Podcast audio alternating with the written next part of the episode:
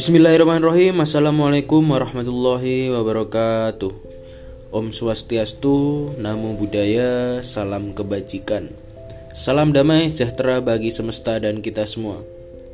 Ya sebelumnya Prabu ucapkan terima kasih telah memutar podcast ini.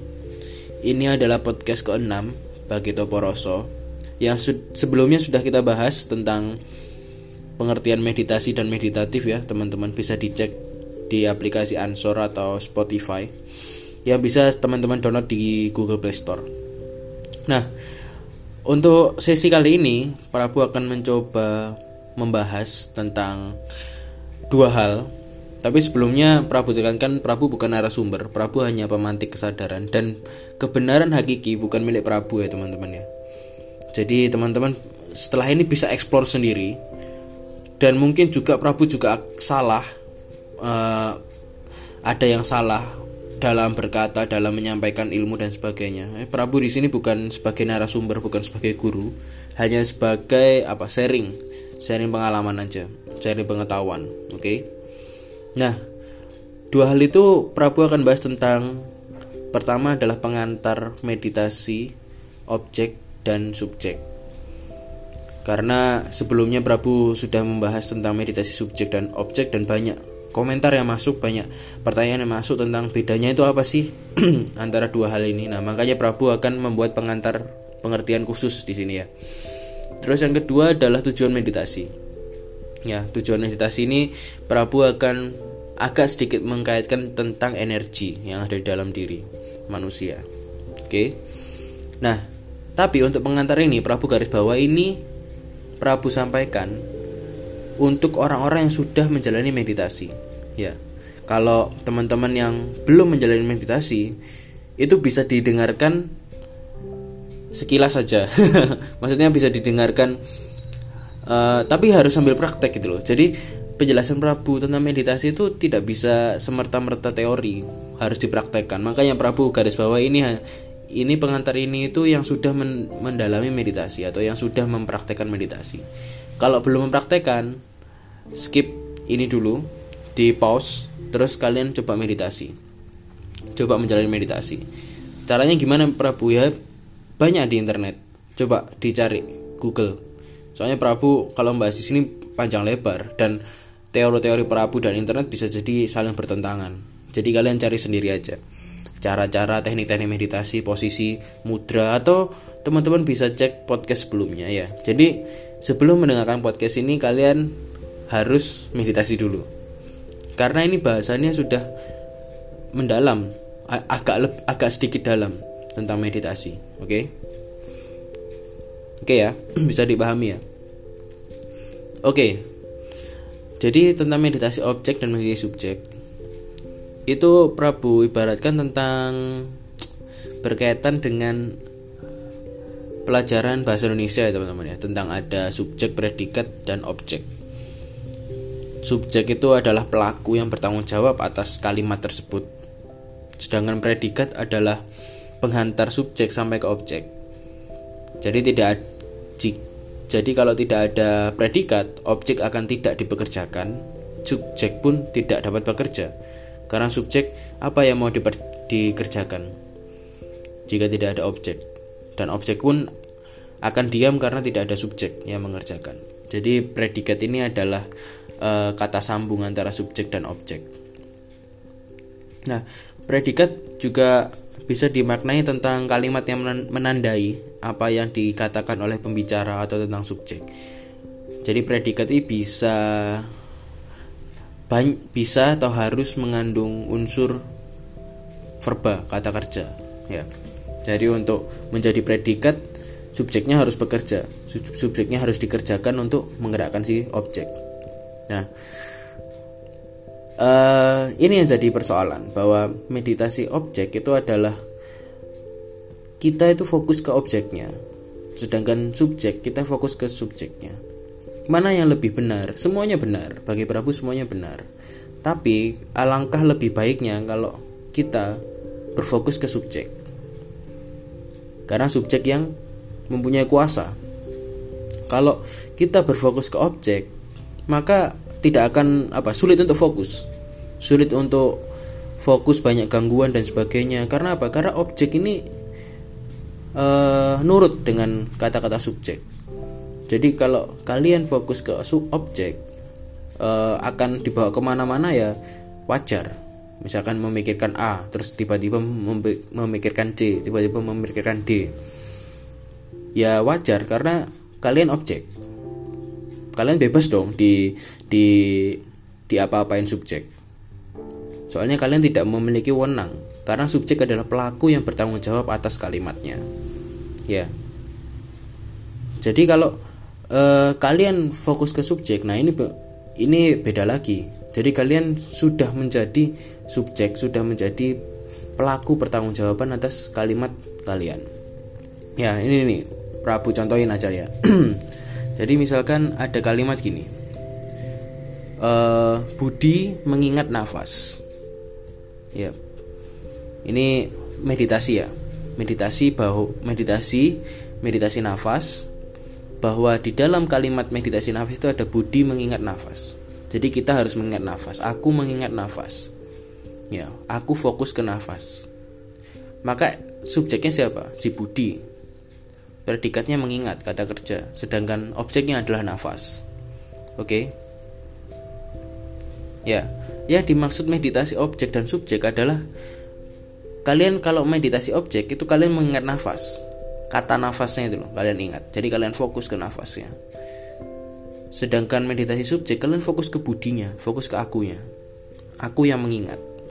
Aku yang mengerjakan sesuatu jadi saat meditasi proses prosesnya itu pertama uh, nafas.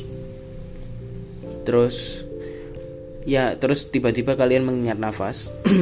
Jadi otomatis ya bukan tiba-tiba maaf. Jadi saat meditasi kalian otomatis mengingat nafas. Mengingat prosesnya bernafas keluar keluar masuk keluar masuknya udara atau oksigen yang di hidung kalian fokus. Itu masih objek jadi masih objek yang berlaku di situ. Nah core siapa?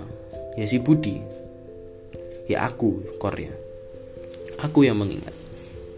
Nah, ini ini akan sulit, sulit kita sulit Prabu jelaskan kalau kalian belum mengalami meditasi. Jadi Prabu di awal kan harus harus menyampaikan dengan terpaksa bahwa pengantar ini khusus untuk orang-orang yang sudah melakukan meditasi. Karena akan tahu bedanya antara fokus ke objek dan subjek. Kalau kalian yang belum pernah mengalami meditasi, kalian akan kebingungan menjelas, uh, mendengarkan penjelasan Prabu ini. Oke? Okay? Oke, kita lanjutkan. Jadi uh, usahakan kita itu menjadi background, background dari dari aktivitas kita. Maksudnya subjeknya. Jadi kita harus menjadi penanggung jawab penuh atas semua aktivitas yang dilakukan di dalam meditasi. Nah, untuk menjadi penanggung jawab kita harus menjadi subjek. Kita harus menjadi seorang yang berhak mengatur semuanya. Dalam hal ini, kita harus mengingat aku. Jadi ingatlah aku di dalam aku. Oke. Jadi ibaratkan papan tulis ya. Jangan jadi tulisannya, jangan jadi tulisan yang dioret-oret di papan tulisnya. Jadilah papan tulisnya. Misalkan kertas kosong. Udah dicoret-coret. Jadilah kertasnya, bukan jadi tulisan itu. Jadi kan ada ungkapan yang berkata bayi adalah seperti kertas yang masih putih ya teman-teman ya. Ya kita seperti itu. Kita dulu kertas yang masih putih. Terus informasi yang dari orang tua, dari masyarakat, dari sekolah, dari uh, politik, dari negara dan sebagainya itu uh, ma masuk masuk ke kita. Kita akhirnya tercoret oleh tulisan-tulisan informasi itu yang tanpa kita sadari kita terpengaruh dengan tulisan itu. Ya, tanpa kita sadari kita terpengaruh oleh tulisan itu. Padahal kita bukan tulisan itu, kita adalah kertasnya. Ya, uh, di sini Prabu jelaskan bahwa ditekankan bahwa kita harus berkesadaran secara murni, pure. Murni kan kertas putih ya teman-teman ya, suci. Maka kita tidak uh, tidak boleh teridentifikasi oleh kata-kata contoh katakanlah gini katakanlah gini misalkan kertas putih ya teman-teman ya terus orang tua kita atau masyarakat itu memberikan informasi kamu adalah laki-laki misalkan. Kamu adalah laki-laki. Otomatis informasi itu masuk dan ditulis di kertas itu laki-laki. Oke ditulis di kertas itu laki-laki. Padahal sebelum informasi laki-laki itu masuk ke dalam pikiran kita, ke dalam otak bawah sadar kita, kita itu sebenarnya tidak tahu apa-apa. Apakah kita laki-laki atau perempuan? Bahkan kita tidak tahu ada sebutan laki-laki dan perempuan. Kita seperti kertas putih yang kosong, yang siap diisi, yang siap diracuni. Tapi setelah diracuni kita harus kembali ke kertas putih itu makanya ada innalillahi wa inna ilaihi rojiun ya sangkan paraning grumadi dari kertas putih ya kembali ke kertas putih dari kosong kembali ke kosong dari suwung kembali ke suwung maksudnya seperti itu makanya uh, dimensi jiwa atau dimensi ruh itu tidak ada jenis kelamin mungkin teman-teman bisa cek di podcast memahami peran fungsi ruh jiwa dan jasad ya sebelumnya podcast sebelumnya karena apa tidak ada jenis kelamin? Karena informasi kelamin itu datang dari luar diri, bukan dari dalam diri. Informasi kamu itu bernama Prabu, kamu bernama Budi, kamu bernama Angel, kamu bernama Christine. Itu informasi dari luar, bukan di dalam diri. Ya, dari nama-nama atau informasi-informasi tentang apa pulpen apalagi laptop, HP, printer buku, spidol, pensil itu adalah informasi di luar diri bukan di dalam diri. Maka jangan teridentifikasi dengan kata-kata itu. Makanya meditasi itu adalah bagaimana caranya kita tidak teridentifikasi dengan kata-kata tersebut, melatih kita untuk tidak teridentifikasi. Melatih kita bagaimana kita harusnya menjadi kertas bukan menjadi tulisan di atas kertas. Kita harusnya menjadi papan tulis, bukan menjadi tulisan di atas papan tulis. Kita harusnya menjadi langit, bukan menjadi awannya. Karena awan selalu berubah-ubah, awan seperti pikiran, awan selalu menutupi, awan selalu pekat, awan selalu menutupi semuanya. Kamu itu adalah lautan, samudra, bukan ombak.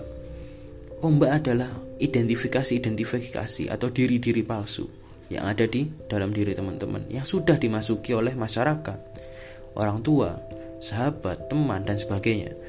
Dan Prabu nggak nggak menyalahkan informasi tersebut enggak, karena informasi tersebut juga penting untuk kita hidup keseharian, untuk kita bisa bersosial. Tapi ketika sudah menginjak ranah spiritual, sudah menginjak ranah meditasi, sudah ingin mengetahui tentang sangkan paranindumadi, maka kita harus sadar bahwa kita adalah kertas putih itu. Oke ya teman-teman ya, bisa dipahami ya. Jadi menjadi background atau menjadi subjek dari aktivitas meditasi. Ini aktivitas kecil ya, berupa meditasi yang Prabu anggap sebagai latihan. Itu adalah core-nya. Jadi Tuhan itu ada di sana, teman-teman. Ada di suwungnya, jadi ketika kalian sudah menjadi background otomatis ada rasa suwung, rasa kosong di situ. Tuhan itu ada di situ. Allah itu ada di situ, Yesus itu ada di situ, Buddha itu ada di situ. Semuanya ada di situ karena di proses suwung semuanya akan terlihat jelas. Oke, terlihat jelas bukan arti uh, ada penampakan nabi, penampakan Buddha dan sebagainya bukan itu ya teman-teman ya. Terlihat jelas maksudnya kebijaksanaanmu akan terbuka bahwa kamu adalah background, kamu bisa memaknai sekitarmu. Ya, makanya konsep di Islam, Prabu suka ya konsep di Islam, yaitu pertama untuk menjadi syarat masuk Islam adalah syahadat atau bersaksi. Makanya eh, orang-orang yang bersaksi akan mati sebagai syuhada. Orang-orang yang sudah bersaksi mati syahid, mati karena penyaksiannya. Ya. Jadi saksi di sini adalah background. Ya enggak kamu hanya mengamati subjek di dalam meditasi subjek itu hanyalah mengamati aktivitas. Jadi tidak melawan. Hanya menjadi background dari aktivitas itu, hanya meliputi aktivitas itu. Kalau misalkan kalian, contoh ya, misalkan ada kecelakaan. Ya ada kecelakaan. Kalian duduk diam mengamati kecelakaan itu. Dengan kamu kamu ikut di dalam kecelakaan itu, manakah yang jadi saksi sebenarnya dari kecelakaan itu? Otomatis yang duduk diam dong karena yang sudah melakukan dan uh, ikut dalam kecelakaan itu adalah sebagai pelaku bukan saksi. Makanya jadilah syahadat sejati itu maksud jadilah saksi dari aktivitasmu jadilah background jadilah subjek dari aktivitasmu. Oke ya kembali lagi ke soal budi dan mengingat nafas tadi. Ya jadi prosesnya gini teman-teman ketika kita duduk meditasi tujuan kita adalah mengingat nafas pertama udah terus kedua kita uh, kita coba bedakan. Coba ingat nafas dulu. Ingat nafas setiap hembusan tarikan keluar tarik keluar tarik keluar. Terus habis itu step selanjutnya ketika sudah tenang teman-teman kalian coba masuk lebih dalam lagi. Lebih core lagi yaitu memahami siapa yang mengingat nafas sebenarnya ini. Jadi di pikiran teman-teman langsung kembalikan. Ketika kal kalian mengingat nafas terus, oh siapa yang mengingat nafas ini ya? Siapa yang mengingat nafas ini? Ya? Akhirnya ada ada ada apa ya? Ada sebuah jeda, ada sebuah kosong di situ. Prabu nggak nggak bisa jelaskan detail ya teman-teman ya, karena ini biasanya dipraktek. Jadi teman-teman harus praktek sendiri. Oke, okay. seperti itu ya teman-teman ya. Itu poin pertama jadi kalau belum mudeng ya coba dipraktekkan. Kalau belum mudeng juga coba diputar ulang. Kalau belum mudeng juga coba di browsing. Kalau belum mudeng juga ya tanya sama Prabu.